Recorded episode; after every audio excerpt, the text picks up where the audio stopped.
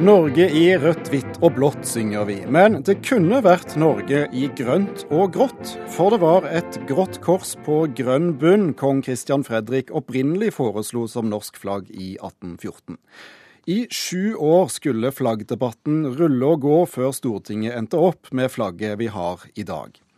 Historiker Jan Henrik Munchsgaard Munksgaard foregriper grunnlovsjubileet neste år, og har skrevet bok om hvordan det norske flagget ble seende ut som det gjør. Jan Henrik eh, Munksgaard, velkommen til Kulturnytt. Jo, mange takk. Grønt og grått eh, tenker vi vel ikke på som særlig norske farger i dag. Hvordan kom Christian Fredrik frem til dette forslaget? Ja, eh, nei, det høres jo veldig rart ut i dag. Men grønt var faktisk en frihetsfarve etter revolusjonen i Frankrike og Amerika. Både i Paris og over på østkysten i USA så hadde grønt, altså frihets, eh, frihetstreet, vært utrolig viktig. Og det grønne i treet var på en måte en, en ny vår, en fornyelse, eh, som skulle gi bedre fremtid til eh, alle sammen i landet. Og det var også noe av bakgrunnen for at uh, Italia fikk grønt i sitt flagg bare noen få år tidligere. Så det var en eh, viss logikk i det? ja, absolutt. Og når det gjelder den, grå fargen, det syns jo vi er dørgende kjedelig. Men grått, da tenkte jeg på Norge som det grå fjellet. Det var liksom det typisk norske Dovre, ikke sant? Det, så, så blått Eh, grønt og, grått, det var eh, flagg, eh, farver som mange mente var helt typisk norske. Men likevel så havnet forslaget ganske kjapt i skuffen. Hvorfor det? Ja, nei, eh, Utgangspunktet var jo Christian Fredrik. Han forsvant jo nokså fort ned til Danmark eh, i 1814. Og så ble det tatt nye eh, initiativ til flagget, og da var det liksom det var jo, Problemet var jo i 1814. Vi hadde ikke vært noe selvstendig land på 400 år. Og da ble det diskutert hvilke farver, hvilke symboler er det som er typisk norske. Og, og det var det faktisk ingen som hadde noe skikkelig svar på.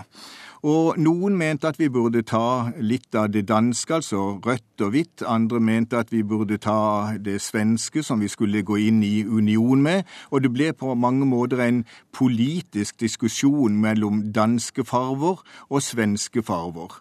Men, eh, men, så kom det altså andre ting inn i, i tillegg til det, og blant annet dette med rødt, hvitt og blått, som jo var revolusjonens farver. Både den franske revolusjonen med den franske trikoloren og den amerikanske flagget med Stasen Stripes, som også var rødt, hvitt og blått. Det var, det var revolusjonens eh, farver, som også på mange måter var en forutsetning for eh, Grunnloven i 1814.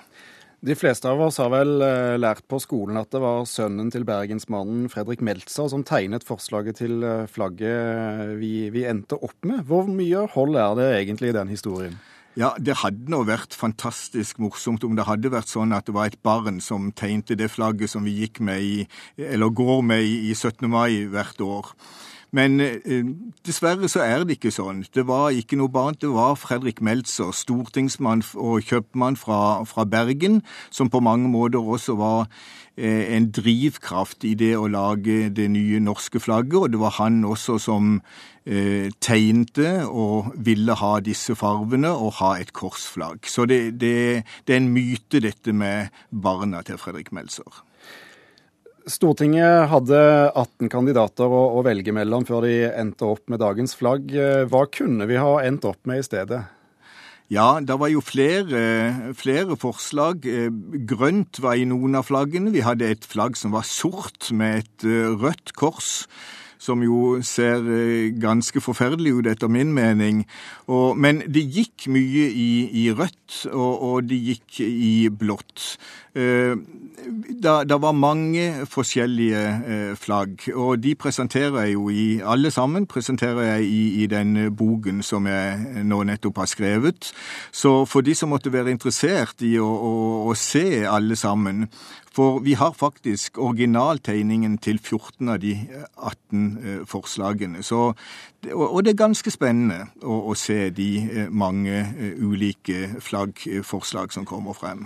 Og dette kan man altså se i det som er årboken til Vest-Agder museum. Tusen takk, Jan Henrik Munksgaard, for at du fortalte om, om forhistorien til flagget vårt.